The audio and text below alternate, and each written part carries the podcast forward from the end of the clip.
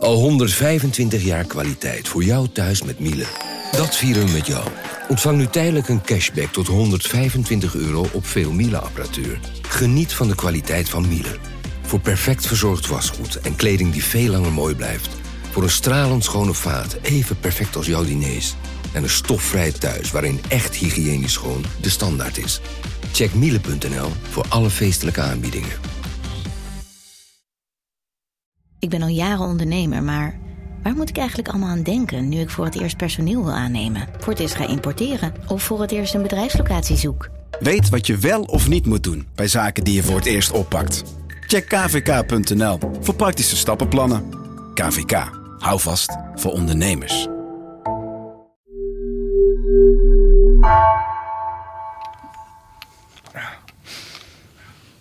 En Caro, heb je nog een geur voor ons? Dankzij de Egyptologe Dora Goldsmith kunnen wij nu ook aan Cleopatra ruiken. Dat wil ik Kijk. echt heel graag. Dankjewel. Hier, Wouter. Cleopatra. Oh, ik vind het Fireballs. Ja, nee. Je wil kaneel. Ja. Dan zeg je kaneel. Nee, maar dit zijn eh, fireballs. Dit, Daar zit kaneel in. Ja, ik vind het wel grappig dat je zegt inderdaad fireballs. Dat is blijkbaar jouw jeugdherinnering. En in fireballs zit kaneel. In onze keukenkastjes zit ook kaneel. En daarom heb ik deze ook meegenomen. Maar het werkt heel goed om eh, geur te omschrijven. Juist weer met die andere zintuigen, het synesthetische. Want wat voor kleur heeft dit? Nou, dit is hartstikke rood. Ja. Het is heel warm. Je kan het als temperatuur omschrijven. Als je het als muziek zou moeten omschrijven. Nou, is het dan adagio of andante? Is het uptempo of is het langzaam? ja, een beetje, een beetje pompende beat. Ja, Wel. toch? Ja. Ja, hè, er zit energie hierin. Ah, ik vind het echt heel lekker. Nou, nu ben ik ook wel benieuwd naar de volgende geur. Dit is Future Affairs, de NRC-podcast die je anders doet kijken naar de toekomst. Ik ben Wouter van Noord, ik ben journalist bij NRC. En ik ben Jessica van der Schalk, filosoof, vandaag een beetje schoor. En ik werk voor de Amsterdamse denktank Freedom Lab. In deze podcast proberen we een glimp op te vangen van wat er de komende jaren op ons afkomt. Wij journalisten proberen de wereld te onderzoeken met onze zintuigen. Hè? Eh, we kijken naar gebeurtenissen, we luisteren naar mensen. Maar als je het journaal kijkt of de krant leest, is er één zintuig wat eigenlijk niet zoveel voorkomt, namelijk geur. Wanneer zie of hoor je nou iets over hoe iets rook? Ja, en ik weet niet hoe het met jullie zit, maar voor mij is het misschien wel een van de belangrijkste zintuigen. En dat komt misschien wel omdat, in tegenstelling tot die andere zintuigen, brengt geur iets bij mij naar binnen. Ik kan niet stoppen met ademen, dus als het ergens op een bepaalde manier ruikt, dan komt het ook mijn lijf binnen. Ja, je kunt je er niet voor afsluiten. Als je je ogen dicht doet, dan sluit je je zicht af. Maar met geur gaat dat veel moeilijker. En het is veel indringender ook, hè? Ja, zeker. En het heeft dus ook invloed op hoe we ons voelen. En dat terwijl we er in de, bijvoorbeeld in de publieke ruimtes veel minder aandacht aan besteden. Dus we hebben een welstandscommissie voor hoe iets eruit ziet, hoeveel geluid er mag zijn, misschien zelfs wel hoe de stoep moet voelen, hoe glad die moet zijn. Maar hoe het ruikt in bepaalde ruimtes of in onze publieke ruimte, daar hoor je eigenlijk nooit iemand over. Nou, daar hebben we dus iemand voor uitgenodigd. En daar gaan we vandaag in deze podcast verandering in brengen. Ik ben heel blij dat we Caro Verbeek eh, zover hebben gekregen om bij ons aan te schuiven. Zij is geurhistorica. Eh, doet baanbrekend onderzoek aan de VU, waarmee ze ook echt internationaal aan het doorbreken is. Laatst bijvoorbeeld in de New York Times. En we vroegen aan haar, zij kijkt eigenlijk naar geuren van het verleden. Trek die lijnen nou eens door. Hoe gaat de toekomst ruiken met jouw blik?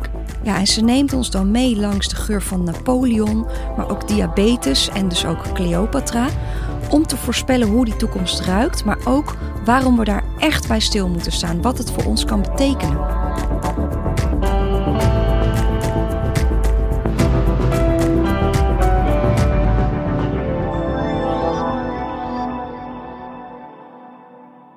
Hey Caro, Hoi.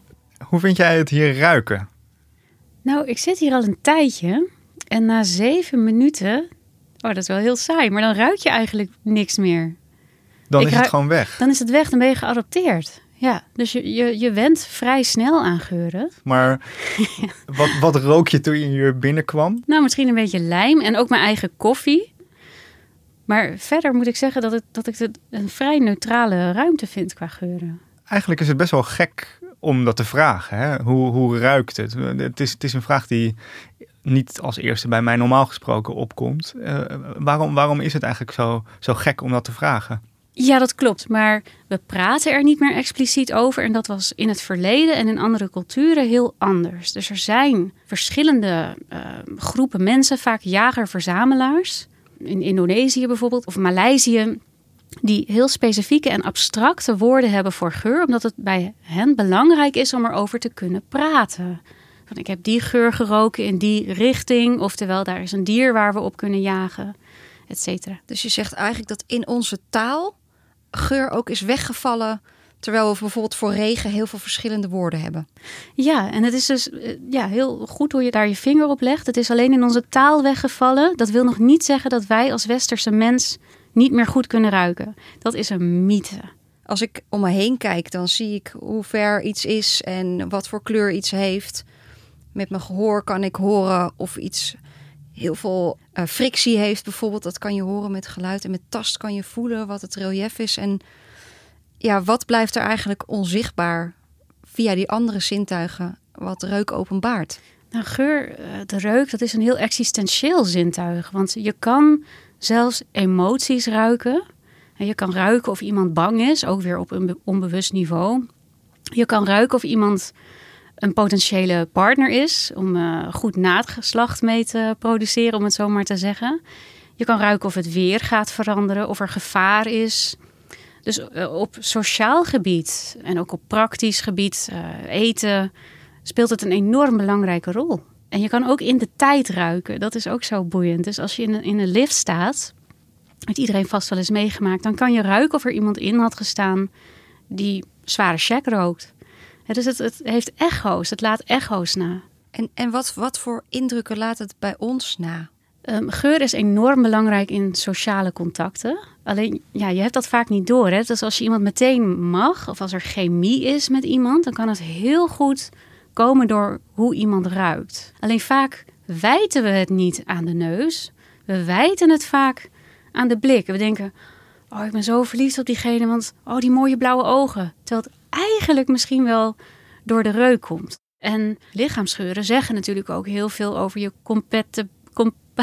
hoe goed je matcht. Ja, hoe goed je matcht, dankjewel. Maar als je dat zegt, hè, en dan denk ik meteen aan die dating apps die er nu zijn die lijken me dan niet heel doeltreffend. Want je kan wel een hele leuke klik hebben met praten en zo, maar en hoe iemand eruit ziet.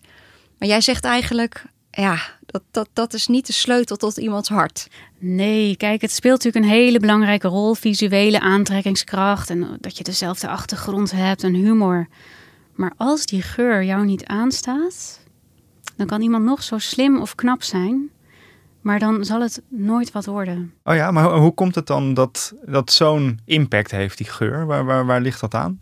Er zijn culturele en sociale factoren, maar ook heel duidelijke fysiologische factoren. Dus onze reukkolf in ons brein, die is direct verbonden met ons emotionele brein, de amygdala.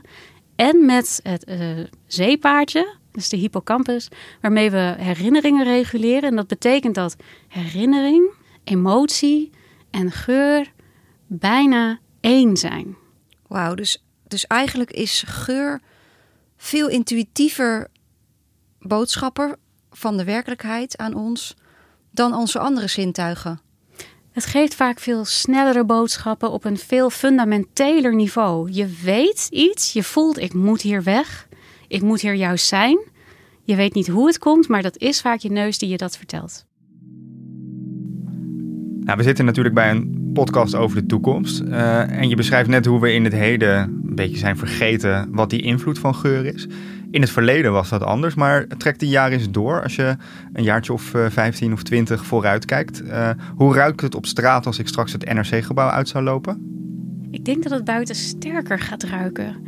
je went heel snel aan geuren, dus wij ruiken bijna die uitlaatgassen niet meer. We zijn geadapteerd. Terwijl planten in elk seizoen andere geuren verspreiden. Dus als die uitlaatgassen nou wegvallen. En ik denk ook dat we meer gaan planten in steden gaan laten groeien. Dan heb je het hele jaar door andere geuren die ook nog eens veel sterker ruiken. Omdat die uitlaatgassen het niet meer maskeren. Ja, we hebben natuurlijk net een, een, een, fase gehad waarin we wat minder in de auto hebben gezeten met lockdowns en zo. Was dat een beetje een voorproefje? Absoluut. De lente rook geuriger, mooier dan ooit, frisser dan ooit.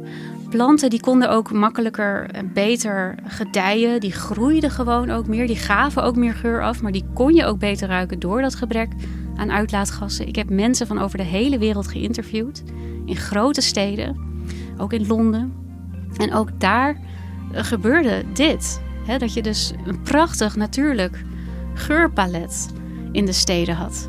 En jij denkt dus ook dat uh, in de komende jaren die troostrijke, bloemige uh, plantengeuren, dat dat iets is waar we echt veel meer van gaan merken. Dat denk ik. En als gemeentes slim zijn, dan planten ze ook bewust geurende bomen, bloemen, struiken op specifieke plekken in de stad. En dan met in het achterhoofd de windrichting. Zie je dat gebeuren? Uh, ja, dat, dat zie ik wel gebeuren, ja. Ah, onderzoeken wat de rol van geur is in de geschiedenis is nogal iets anders dan proberen te voorspellen wat er aankomt. Hè? Kunnen we überhaupt wel weten hoe die toekomst gaat ruiken? Ja, ik heb uh, voor mijn proefschrift een kunstenaarsgroep bestudeerd, de Futuristen, een Italiaanse groep avant-garde kunstenaars. En die hielden zich bezig met de toekomst, maar ook in hele hoge mate met geur en hoe de toekomst voor hen rook. Nou, voor hen rook dat bijvoorbeeld naar ozon, want elektriciteit, dat was een soort tegenhanger van de kerk geworden. Dus wierook moest vervangen worden door de geur van ozon. En hoe ruikt ozon? Nou, met een onweersbui ruik je dat, hè? Want dat komt vrij bij elektrische ontlading. O3 is het. En dat ruikt ook naar kopieermachines. Oh ja. Als je al die kopietjes ja. staat te maken, die geur die daarbij vrijkomt, dat is, dat is ook ozon. En je kan het dus ook buiten ruiken. En zij hadden ook een, een heel mooie geuromschrijving van de ideale mens. Dat was namelijk het mens-machine-ideaal. En dat zou bestaan uit de miasma's, dus de uitwazemingen van een vliegtuigmotor met zweet. dus dat zelfs op geurniveau zouden die twee samensmelten. En hebben zij ook voorspeld dat, zoals jij dat nu doet, dat we dan gelukkiger zouden zijn door die geuren? Of waren dat juist geuren waar we ongelukkiger van zouden worden? Zij koppelden geuren vooral aan het sterker, groter maken van Italië. Ze waren vrij nationalistisch, iedereen in die tijd natuurlijk. Eh, we hebben het over een stroming die opkwam zo rond 1909 en die pas in de jaren 40 weer uh, verdween.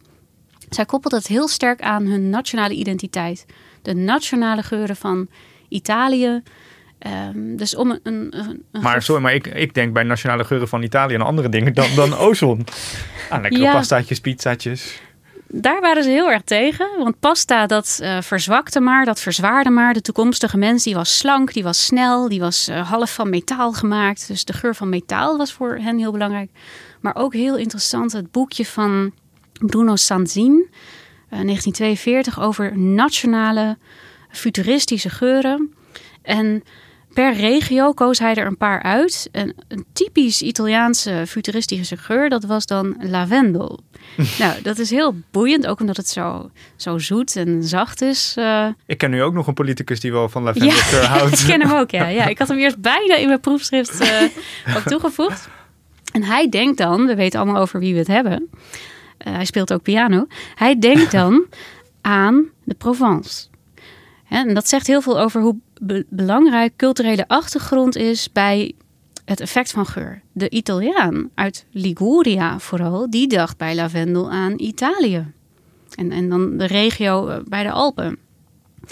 Terwijl in de 19e eeuw bij lavendel iedereen aan Engeland dacht. Mitcham. Oh ja. dus associaties die bepalen de context waarin je iets ruikt bepaalt wat je vindt van een geur. Maar het laat ook zien, net zoals bij alle toekomstvoorspellingen, dat ze er nogal eens naast zitten.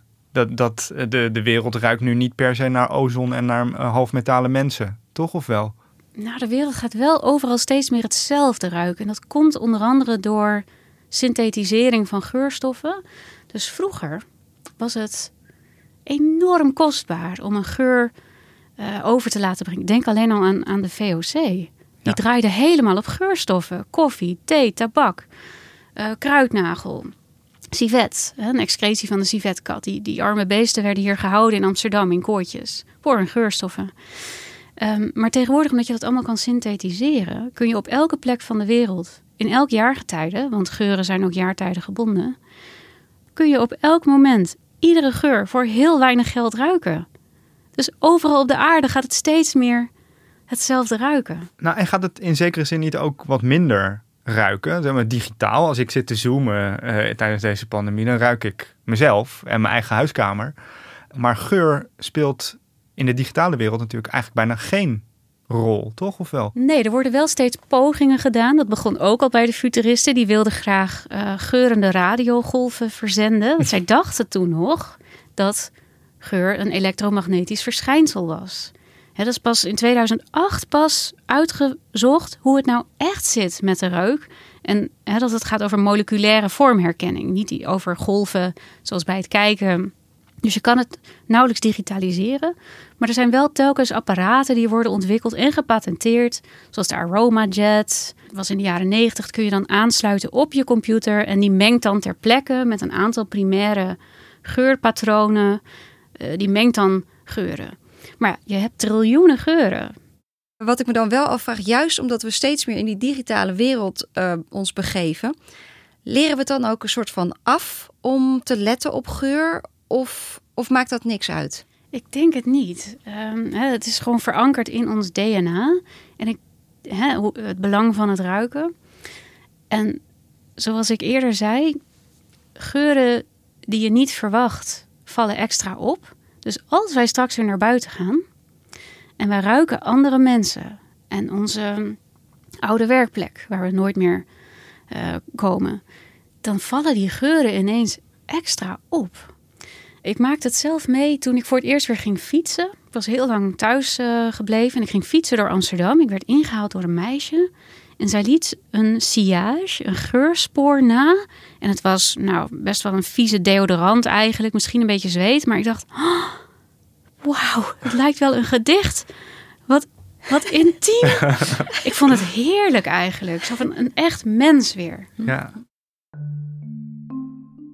Het klinkt ook alsof jij wel een bijzondere fascinatie hebt uh, met dit onderwerp. En het is natuurlijk wel een beetje een apart onderwerp. Van waar geur? Nou, ik ben opgeleid als kunsthistoricus. En dan leer je natuurlijk heel goed te kijken, analytisch te kijken. En we leven al in, in zo'n beeldcultuur. Maar toen ik in mijn eindexamenjaar naar de Biennale ging in Venetië, een tentoonstelling met een hele groep uh, kunstgeschiedenis studenten, toen rook ik iets. Ik, ik ging dat gebouw binnen en ik rook een hele sterke kruidige lucht. En het irriteerde me mateloos. Ik dacht, dat kan toch niet? Het verstoort mijn esthetische blik. En toen kwam ik erachter dat het een kunstwerk was. Nou, dat zette alles op zijn kop. Want het viel mij op dat die geur veel meer indruk op me maakte dan het beeld. Het bestond uit een aantal lycra zakken, gevuld met kruiden. En die hingen uit het plafond als een soort omgekeerd woud. Er was kurkuma, curry, kruidnagel, peper. En dat zag er prachtig uit, maar die geur, ja, het nam meer ruimte in, fysiek, maar ook in mijn hoofd en in mijn herinnering. Maar voor jou was het eigenlijk ook een moment dat die onzichtbare wereld tot je doordrong. Want inderdaad, voordat jij hier kwam, dacht ik, ja, uh, voor mij is die wereld toch een soort van onzichtbaar. Maar dat was dus eigenlijk voor jou ook zo. Was hij minder bewust? Ik was me er niet bewust van. En natuurlijk in een uh, kunstcontext word je ertoe gedwongen om je op een bepaalde manier te verhouden tot zo'n geur. Dus eerst was het slechts irritatie. Toen kwam ik erachter dat het een kunstwerk was. En toen, werd, toen ging ik heel bewust ruiken. En, en dat kan uh, geur in een museum doen. Ja, oké. Zo, zo ben jij je dus ook bewuster geworden van, van de rol van geur. Uh, dat was aan het begin van jouw carrière. Um, dat vind ik ook wel interessant om te weten van iemand die dus zo bewust bezig is met geuren. Wat is eigenlijk jouw lievelingsgeur? Ja, dat is toch wel de geur van uh, het hoofd van mijn zoontje. Ja, dat snap ik. Ja, dat is toch wel magisch. Ja. Uh, dat is natuurlijk ook uh, emotioneel, zo'n geur. Het doet bijna fysiek ook iets met je. Het doet iets met je hè, pheromonen. Je gaat ervan lacteren, hè, van die geur. Dus het helpt je om... Uh, Komt ja. de melk uit, ja. Ja, door die maar geur. Hoe, hoe ruikt dat dan? Beschrijf dat nou, toen ik dat laatst uh, op Radio 1 omschreef, kreeg ik een hele boze e-mail. ik omschreef het namelijk als warm en koel tegelijk.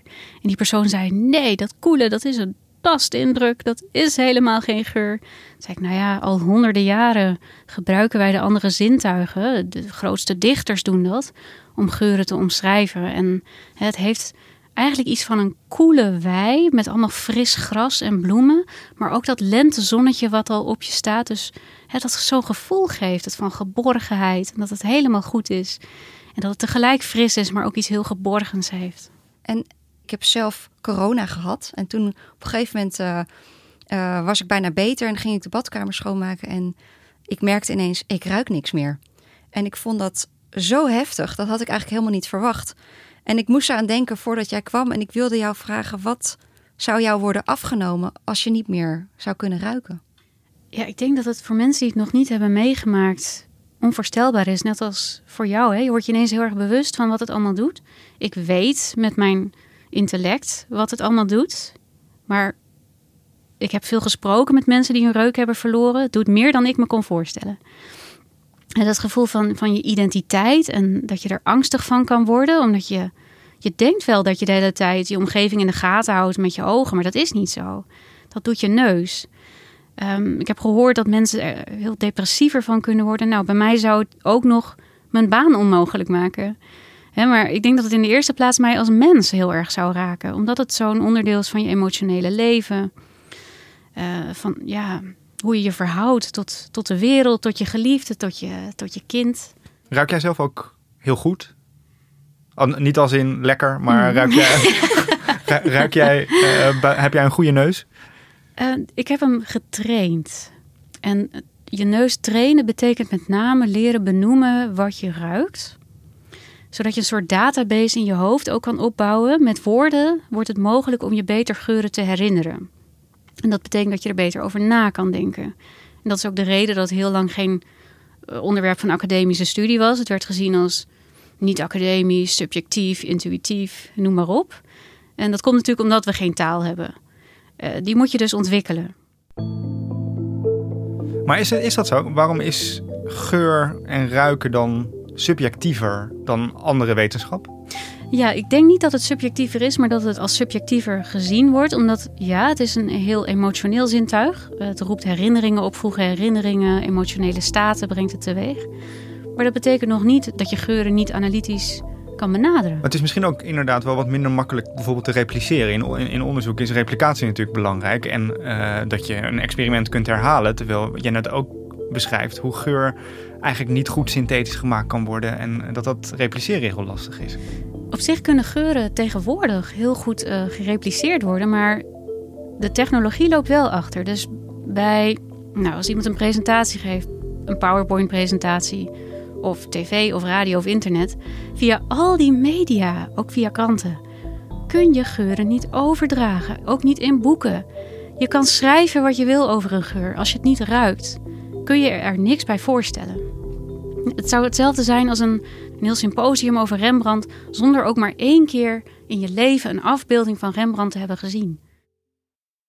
Nou, en, en, en toch ben jij daar nu mee aan het, aan het pionieren. Aan jij bent een van de, uh, ook internationaal, een van de mensen die hier het meest in voorop loopt. Ik zag laatst een artikel van jou in de New York Times en bij NPR, de grote Amerikaanse radiostation, uh, schoof je aan. Er hangt blijkbaar toch iets in de lucht dat dit onderwerp aanslaat of dat je aanpak daarvan uh, zo'n snaar raakt.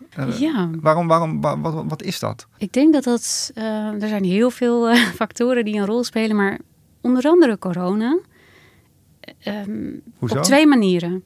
Omdat mensen hun reuk verliezen. Ineens zijn er heel veel anosmie-patiënten. En wordt het duidelijker dat het een enorm probleem is. vaak werd het helemaal niet serieus genomen. Anosmie is, is dat je je Geurblind. Ja. ja, anosmie is geurblindheid. Alleen al dat we dat woord niet kennen. Waarom kennen we wel doof en blind, maar niet anosmies? dat zegt al heel veel. En aan de andere kant, door quarantaine raken we afgesneden van de wereld van de geuren. He, dus op, op twee manieren. Dan is er nog internet. Nou, al voor corona uh, leefden we in een heel digitale wereld. Dat betekent een geurloze wereld. Die is nog geurlozer geworden. Dus mensen hunkeren nu ook naar geur. Er, is heel veel aanleiding om het op wetenschappelijk niveau te onderzoeken, op cultureel, op sociaal niveau. Op al, die niveaus speelt dat nu een rol. Dus mensen die uh, ja, die omarmen dat op dit moment. Ja, en, en de, het belang van geur wordt dus echt, echt soort herontdekt op het dit moment. lijkt wel een renaissance van de geuren te zijn. Maar renaissance betekent hergeboorte. Dus dat betekent ook dat het al belangrijk was. Maar dat we dat nu pas weer ontdekken. Ja, dat doet me denken aan een begrip wat ik heel ergens anders heb opgepikt. En dat heet generational amnesia. En dat gaat over ehm, factoren die heel belangrijk voor ons zijn, maar die we niet echt in ons bewustzijn opnemen. En als je vergeet dat die heel belangrijk zijn, dan weet je soms niet waarom je ongelukkig bent. En ik vraag me nu, zeker nu je die lockdown zo schetst, vraag ik me af.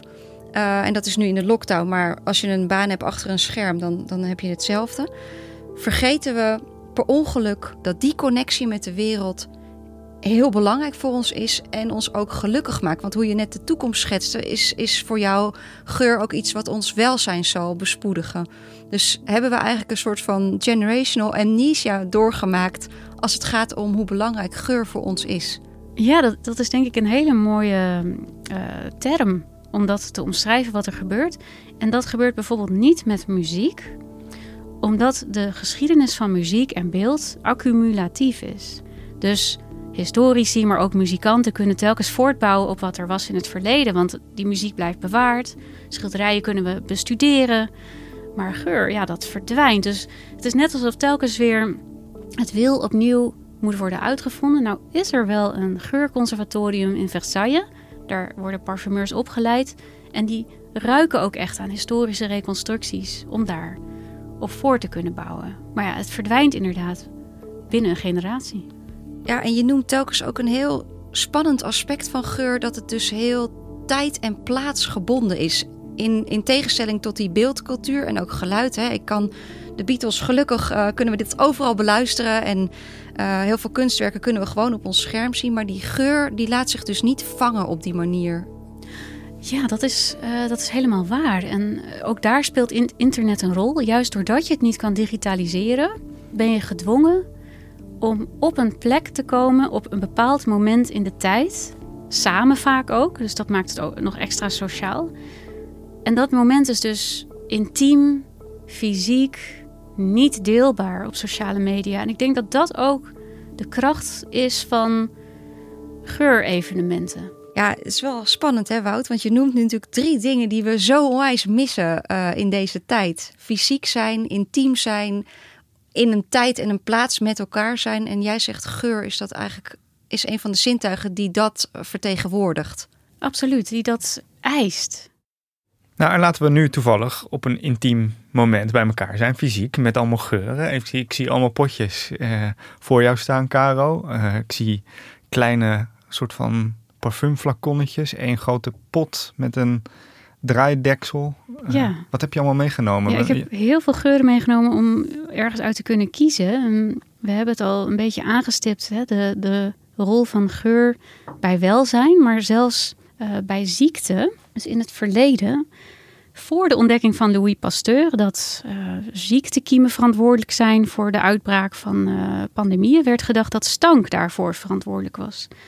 En als je de lucht dan maar lekker liet ruiken, dan werd ook gedacht, nou dan is de lucht gezond, kunnen we niet ziek worden. En wat jullie nu ruiken, is zo ontstaan. We hebben uit een heel mooi potje een, ja, klein... een geurtje gekregen. Het komt me heel bekend voor, dat flesje. Wat is het? Het is blauw met goud. Er staat een nummer op.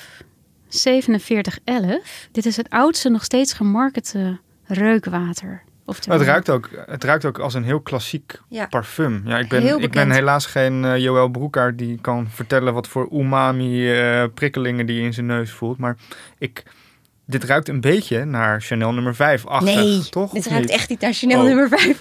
Gewoon een, een, een heel klassiek parfum wel, wel uit die, ja, wel zo oud en maar...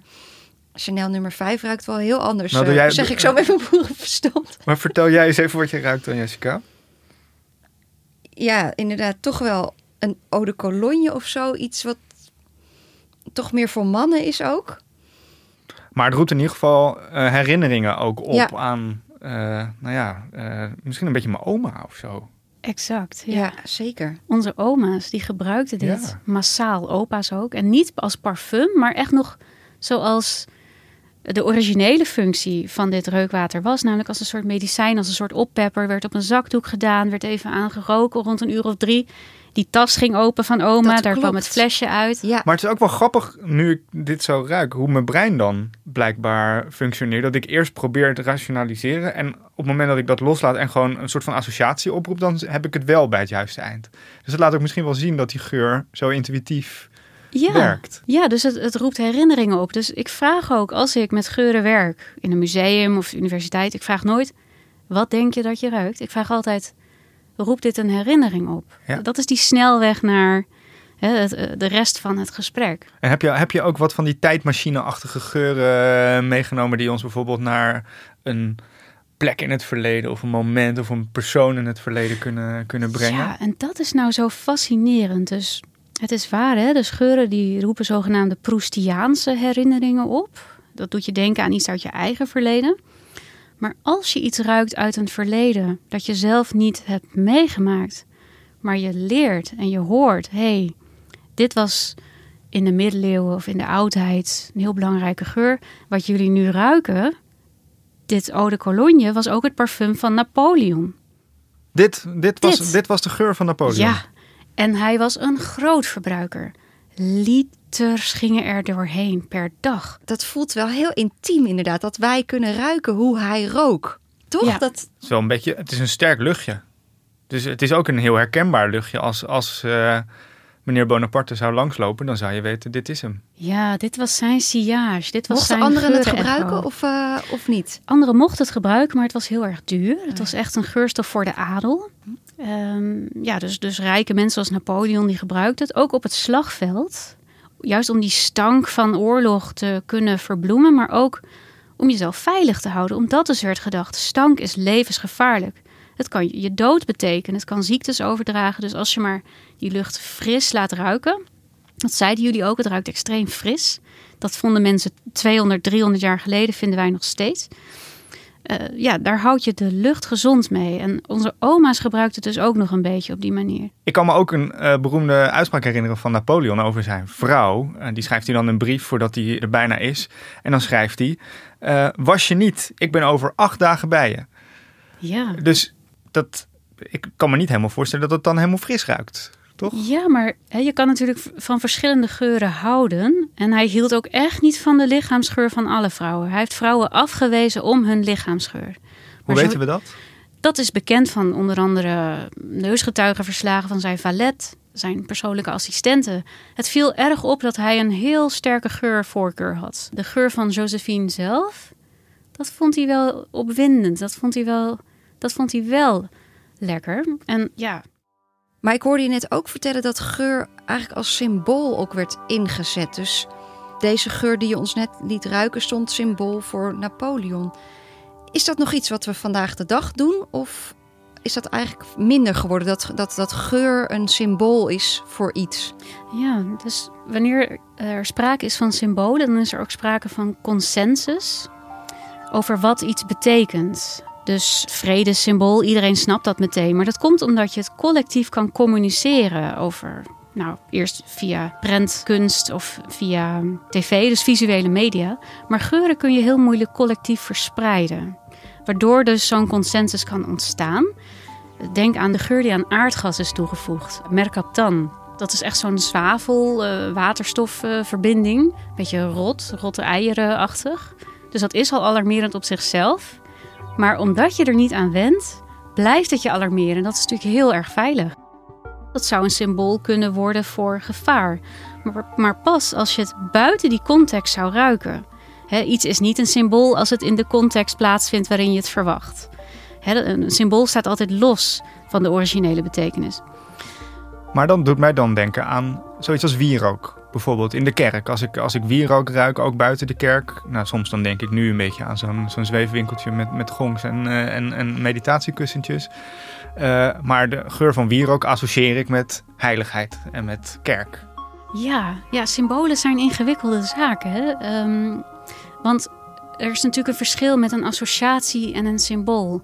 Een symbool zien we heel goed van, hey, dit is uit de context gehaald en dit is iets waar we een afspraak over hebben. Dit betekent dat, ook al heeft het er niks mee te maken. Heb je, heb je nog meer geuren bij je die wat van bijvoorbeeld dat symbool uh, kunnen laten zien of bepaalde associaties opwekken? Nou, wat ik wel een hele, hele boeiende lucht vind, is de volgende. Dat heeft ook weer te maken met dat oeroude geloof dat geur ziektes verspreiden, maar ook dat je aan de hand van de reuk als dokter ziektes kon herkennen. Dus dit is in feite de geur van een. Ja, dit komt ook uit een enger flesje, moet ik zeggen. het andere flesje is heel mooi, en dit is echt een apothekersachtig flesje met bruin glas. Uh, ja. ja, een soort kruising tussen de snoepwinkel en. Ja, het is ruikt heel zoet. het ruikt zo'n zuurtje. ja. Maar exact deze geur paste bij het concept de geur der heiligheid. De geur der heiligheid was iets wat gezien werd als het hoogste symbool van heiligheid, tot zeker in de 19e eeuw. En dat stuurde volgens hè, het concept God naar mensen die bijzonder puur leefden, die alleen nog maar bidden, contempleerden. En een van die mensen die stierf en leefde ook in de geur der heiligheid, was Teresa van Avila waar een heel beroemd beeld van is van Bernini. Waarbij ze met een iets geopende mond in een soort eeuwige orgastische houding in die kerk daar zweeft, daar in Rome. Uh, maar in haar eigen tijd was zij veel beroemder om haar geur. En dat leek heel erg op deze acetonachtige lucht. Althans, als we wetenschappelijke verklaringen mogen geloven. Omdat mensen die stoppen met eten en drinken, suikerziekte gaan ontwikkelen. En oh. dat betekent dat je een soort zoete acetonachtige adem krijgt. Nou, de adem was de plek die werd geassocieerd met de ziel. En een zoete geur werd geassocieerd met heiligheid. Dat was natuurlijk heel zeldzaam, iets zoets. Dus mensen die roken natuurlijk geen nagellak remover, dat bestond nog niet. Die roken ook niet iets onprettigs, die roken iets goddelijks. Als ze zoiets roken. Maar ze roken dus eigenlijk suikerziekte. Ze roken eigenlijk suikerziekte, maar goed, exacte wetenschappen kunnen natuurlijk nooit geheel verklaren hoe iemand iets ervaart. Daarvoor heb je de cultuurwetenschappen en de antropologie en de sociologie nodig. Ja. En dit was dus een heel bijzondere ervaring als je dat rookt. Maar juist als je dit noemt, hè, uh, dat, dat vroeger die geur eigenlijk veel meer in het bewuste dagelijkse leven aanwezig was. En je zegt ook dat dat directer aan onze emoties zit gekoppeld dan beeld, waar we nu in zitten, beeldcultuur en misschien wel geluidscultuur. Zou je dan ook kunnen stellen dat mensen vroeger ook dichter bij hun emoties stonden, juist omdat die geuren veel meer in het bewuste uh, leven werden ervaren? Oeh, dat is wel een hele lastige vraag. Of ze dichter bij hun emoties stonden. Ik denk wel dat ze gewoon open stonden voor veel meer bronnen die tot informatie konden leiden. En dat mensen zich veel bewuster waren van hun multizintuigelijke omgeving. Waarbij natuurlijk al die zintuigen voortdurend op elkaar ingrijpen, met elkaar vervlochten zijn. Want dat vergeten we natuurlijk ook nog wel eens. Hè? De zintuigen opereren nooit alleen. Ze opereren altijd in combinatie met elkaar. Ze beïnvloeden elkaar. Dus kleuren veranderen met bepaalde geuren. Muziek klinkt anders als je er iets anders bij drinkt. En staat dat ons ook te wachten als we naar de toekomst kijken en weer juist meer die, die geuren gaan toelaten? Ik hoop dat wel. Ik, ik denk dat hè, dat zou getuigen van echt verfijning in ons aanbod in cultuur. Als wij, net als de futuristen, als wij alle zintuigen zouden bespelen en daar echt goed over nadachten. Dat de geuren en de kleuren en de geluiden en de temperaturen, de tastindrukken, dat die allemaal of juist heel harmonisch met elkaar samengaan, of juist expres een beetje wrijving oproepen. Maar je vertelt ook dat geur niet geïsoleerd wordt beleefd. Dat het ook juist heel belangrijk is om het in combinatie met andere zintuigen, synesthesie heet dat dan ook met, met een mooie woord, toch? Ja, synesthesie, dat is natuurlijk een, een prachtig uh, verschijnsel waar ook helemaal niet uh, genoeg aandacht voor is. En dat gaat in feite over hoe de zintuigen samenkomen, samengaan, elkaar beïnvloeden. Uh, want het is echt waar dat ehm, muziek anders klinkt bij andere geuren. Maar er is ook zoiets, en dat doen kunstenaars heel veel, als het proberen om te zetten van het ene zintuig in het andere. Eh, de futuristen deden dat. Die probeerden geuren om te zetten in muziek. Die probeerden kleuren weer om te zetten in geuren, et cetera. Nou, speciaal voor mijn promotieplechtigheid uh, mijn promotie, mijn proefschrift ging over het futurisme, heeft uh, de muzikant Ibo Bakker een muziekstuk of eerder een geluidstuk gemaakt om de geuren die een rol spelen in mijn proefschrift te vertalen. La porta della città. En je hoort eigenlijk, ja, je hoort bijna die industriële geuren die de futuristen zo omarmden.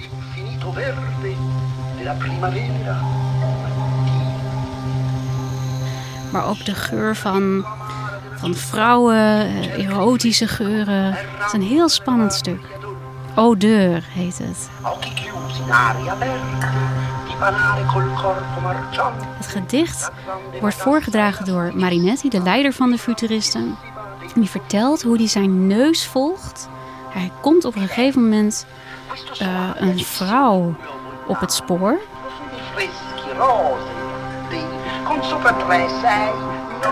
En het laat je misschien ook die geur meer voelen zoals je hem in je lijf ook voelt. Ja, het, kan ook op een emotioneel niveau uh, hetzelfde proberen over te dragen.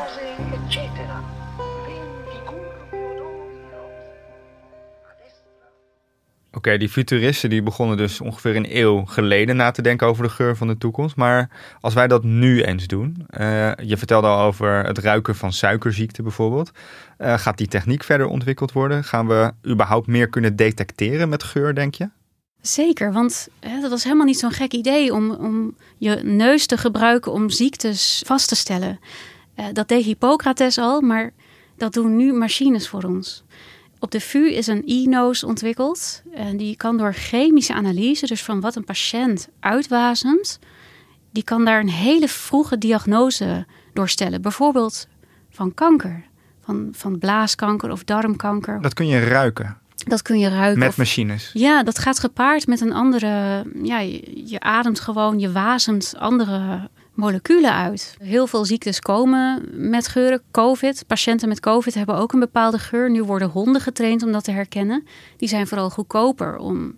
Ja, ze hebben een hele goede neus, maar heel veel mensen kunnen ook echt wel ziektes herkennen hoort ook wel bij de, de tacit knowledge van veel artsen. Dus er komt iemand binnen, je ruikt die zoete lucht. Je denkt, nou, dat zou wel eens diabetes kunnen zijn. De, de tacit knowledge, de, de stille aanwezige kennis bij, bij mensen door ervaring. Ja, die dus niet expliciet is, die je niet krijgt aangeleerd, niet krijgt gedoseerd, maar die je wel tot je neemt omdat je nou eenmaal vaak bepaalde diagnoses hebt tegelijk met een bepaalde geur uh, die je ruikt. Maar stel nou dat je een rij flesjes had met geuren voor allerlei ziektes. En dat je studenten expliciet leerden: oké, deze geur staat voor deze ziekte, deze geur staat voor die ziekte. Natuurlijk wil je ook nog wel meer tests doen. Um, maar het kan wel je in staat stellen om een non-invasieve, hele snelle diagnose te stellen op het moment dat het er mogelijk toe doet. En stel nou dat zo'n chemische analyse, zo'n e-nose, ook op onze smartphones bevestigd kon worden dan kan je dus misschien door tegen je telefoon te ademen zien dat je in een vroeg stadium kanker hebt. Of, ja, of suikerziekte. precies, en dat kan wel eens levensreddend zijn. Ja, ja, ja dat, maar dat gaat dan met name over het oppikken van geur. Uh, zou het ook kunnen dat geur actief wordt ingezet om bijvoorbeeld de stemming uh, van mensen in een gebouw of zo te beïnvloeden? Ja, ik denk het wel. Uh, er wordt steeds meer onderzoek gedaan naar geur. Er is steeds meer bewustzijn voor wat geur kan doen, bijvoorbeeld in relatie tot welzijn. Um, onze emotionele toestand. 70%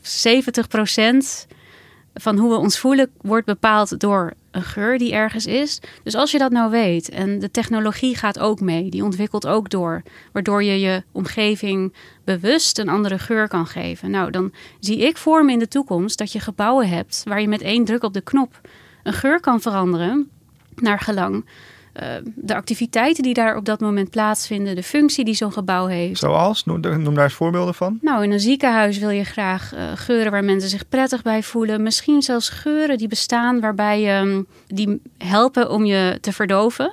Bijvoorbeeld lavendel doet dat. Geuren waardoor ook bezoekers zich prettiger voelen. Je noemt nu hele mooie medische toepassingen, maar zijn er ook meer alledaagse toepassingen van geur waar wij als uh, ja, gewone burgers iets van gaan merken?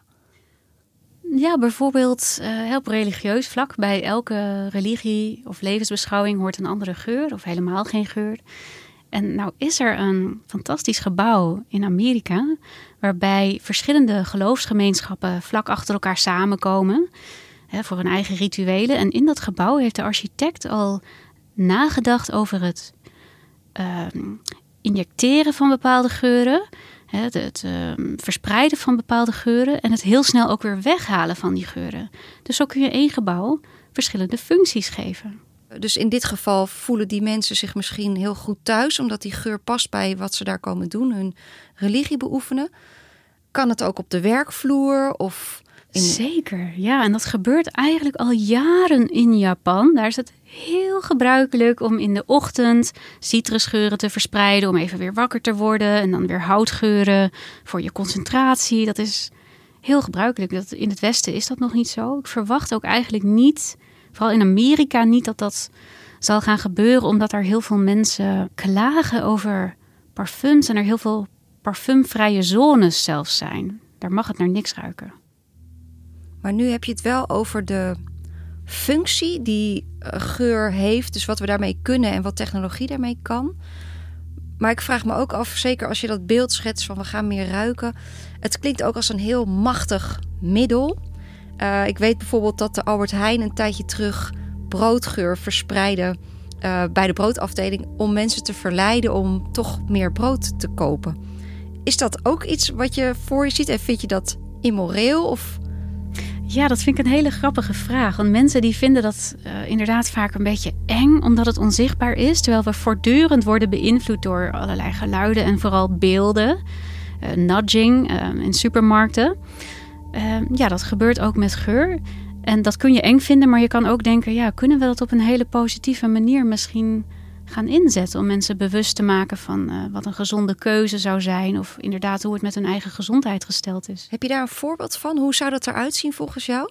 Nou, het gebeurt eigenlijk al best wel veel. En wat ik me heb laten vertellen door een geurmarketeer is dat op het Centraal Station van Amsterdam tijdens de, de, hè, de grootscheepse verbouwing um, dat daar de geur van natte aarde werd verspreid, zodat mensen die niet zagen dat er werd gewerkt, toch onbewust dachten: Oh ja, ja, er wordt hier, hier gaan wordt hier in de grond. Ja, uh, hier wordt, zijn bezig. Ja, maar het, het, het, stelt mij nog niet helemaal gerust. Want we leven wel in een tijd waarin zeker uh, die techbedrijven en andere grote advertentiebedrijven heel erg sturen op subtiele manipulaties. En wat jij net eigenlijk al de hele tijd vertelt, geur is misschien wel de ultieme manipulatie, omdat het direct inspeelt op onze emotie, op onze uh, perceptie van de omgeving. Dat is eigenlijk een soort van, klinkt het als het laatste bastion waar straks uh, Google en Facebook ook nog. Uh, ja, en daarom komen. is het des te beter om je neus op te leiden.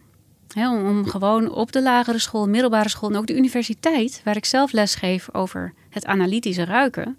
Dus mensen echt leer bewust te ruiken en er woorden aan te geven we moeten onszelf gewoon opleiden. Maar hoe, hoe zou dat dan werken? Want wat, wat zou dat mij brengen als ik opgeleid ben in geuren? Hoe beschermt dat mij tegen uh, mensen met, met commerciële motieven bijvoorbeeld? Omdat je dan bewust bent van... hé, hey, het zou wel eens door de geur kunnen komen... dat ik nu ineens dit product wil kopen... of dat ik me zo en zo voel.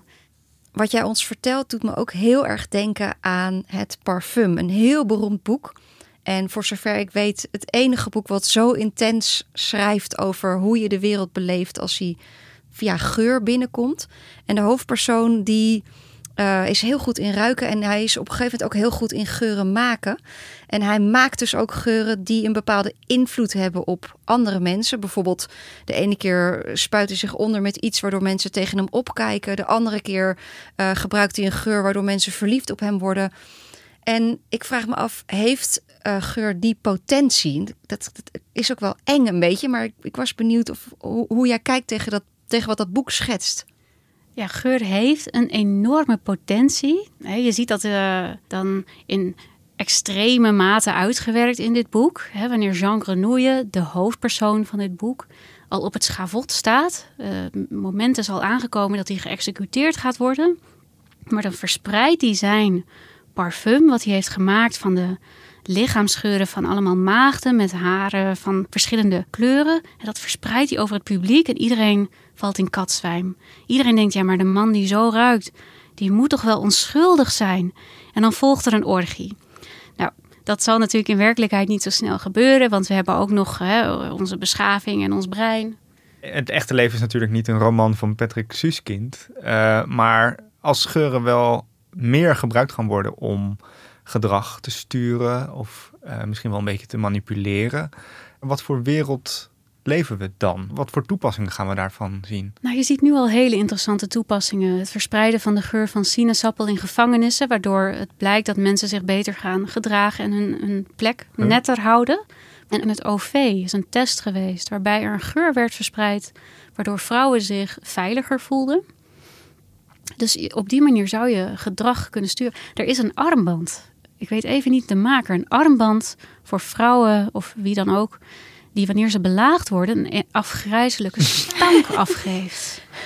En dat werkt als een tierenlier natuurlijk dan vlucht je wel. Ja, het, het, doet mij ook wel denken eh, aan, aan dingen zoals marketing. Uh, Zo'n kledingwinkel, Abercrombie Fitch, waar volgens mij is die winkel inmiddels failliet. Misschien wel door die ranzige loef die ze daar verspreiden. Een hele doordringende parfumgeur, maar wel heel erg herkenbaar. Dat je overal ter wereld waar je zo'n winkel instapte, dat was dezelfde kledingwinkel. En dan ook als je buiten op straat liep en je rookt dat, dan dacht je, oh ja. Ja, zeker. Ja, dat is een heel sterk uh, marketing tool. Hema doet dat ontzettend goed. Hè. Die ruikt ook uh, Hoe ruikt de Hema dan? al jaren hetzelfde. Ja, ze hebben een schoonmaakmiddel wat mij heel erg aan komkommer doet denken. Dat zit vooral in het textiel, maar ze hebben natuurlijk ook niet voor niets die rookworststand, waar ze ook de vegetarische ookworst verkopen. Jee, um, dat uh, zit niet voor niets voor aan, zodat je die geuren daar al ruikt. Um, je moet niet zomaar je schoonmaakmiddel gaan veranderen als uh, winkelketen, want dan hebben mensen niet meer dat thuisgevoel, dat echte HEMA-gevoel.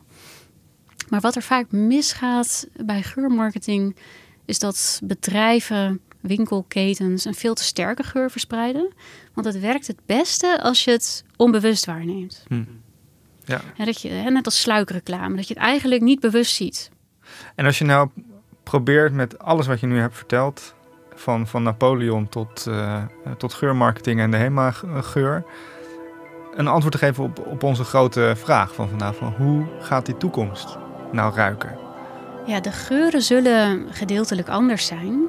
Maar het zal vooral onze attitude zijn, die is veranderd. Ons bewustzijn van geur en hoe we het kunnen inzetten voor ons welzijn, onze gezondheid, in educatie. En ja, die, hopelijk zijn dus die uh, uitlaatgassen weg en zal het schitterend ruiken naar lentegeuren. En in de winter misschien weer naar de planten die in dat seizoen een mooie geur afgeven wat je ons vertelt vandaag, wat ik eigenlijk voor het eerst pas hoor met al die gesprekken die we hebben gehad, is dat dit een element is wat ons heel erg kan binden aan het hier en nu, aan de plaats waar we zijn, aan, aan het, het intieme moment. En dat is natuurlijk iets waar we om meerdere redenen heel veel behoefte aan hebben. Dus alleen al dat zou een reden zijn om veel meer die geursensatie bewust te maken, wat mij betreft. Heel mooi gezegd. Ja, en ik merk dat ook hoor, tijdens mijn colleges, nu via Zoom. En dan stuur ik mijn studenten geurpakketjes. En als je dan tegelijk ruikt, ja, je leert wat, bijvoorbeeld over taal voor geur. Maar je bent ook echt even inderdaad in het moment. En het is heel ontspannend, omdat je, als je je echt concentreert op geur, kun je aan niks anders denken. Dus ja, perfect verwoord. En hoe vind je het nu in de studio ruiken? Ja, ik ruik heel sterk die eau de cologne. Die mij ook aan mijn oma doet denken. Maar straks gaat er iets heel geks gebeuren. Als jullie straks uit deze studio gaan, even wachten. Bijvoorbeeld ook even aan koffie ruiken of aan je eigen huid. Dan neutraliseer je namelijk. Nou, en als je dan weer terug deze kamer in komt, dan ruik je het hele, de hele compositie van wat we hier hebben achtergelaten. Dus en die suikerziektegeur en eau de cologne en misschien onze eigen lichaamsgeuren en de geur van de studio. Want dat zijn we nu te gewend. Maar straks wordt dat echt een kakofonie. Nou, ik heb wel weer anders leren kijken naar geur uh, deze aflevering. Dus, dus heel erg bedankt, Caro. Graag gedaan. Dankjewel.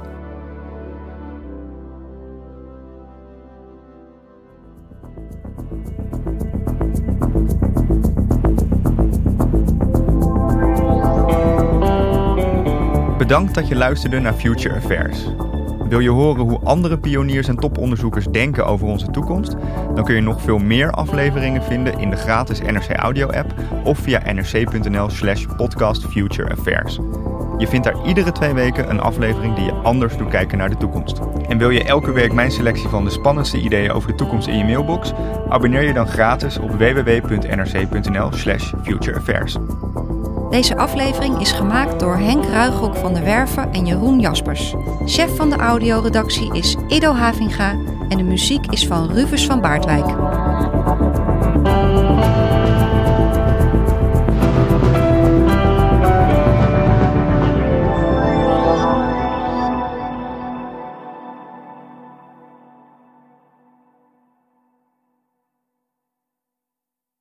Technologie lijkt tegenwoordig het antwoord op iedere uitdaging.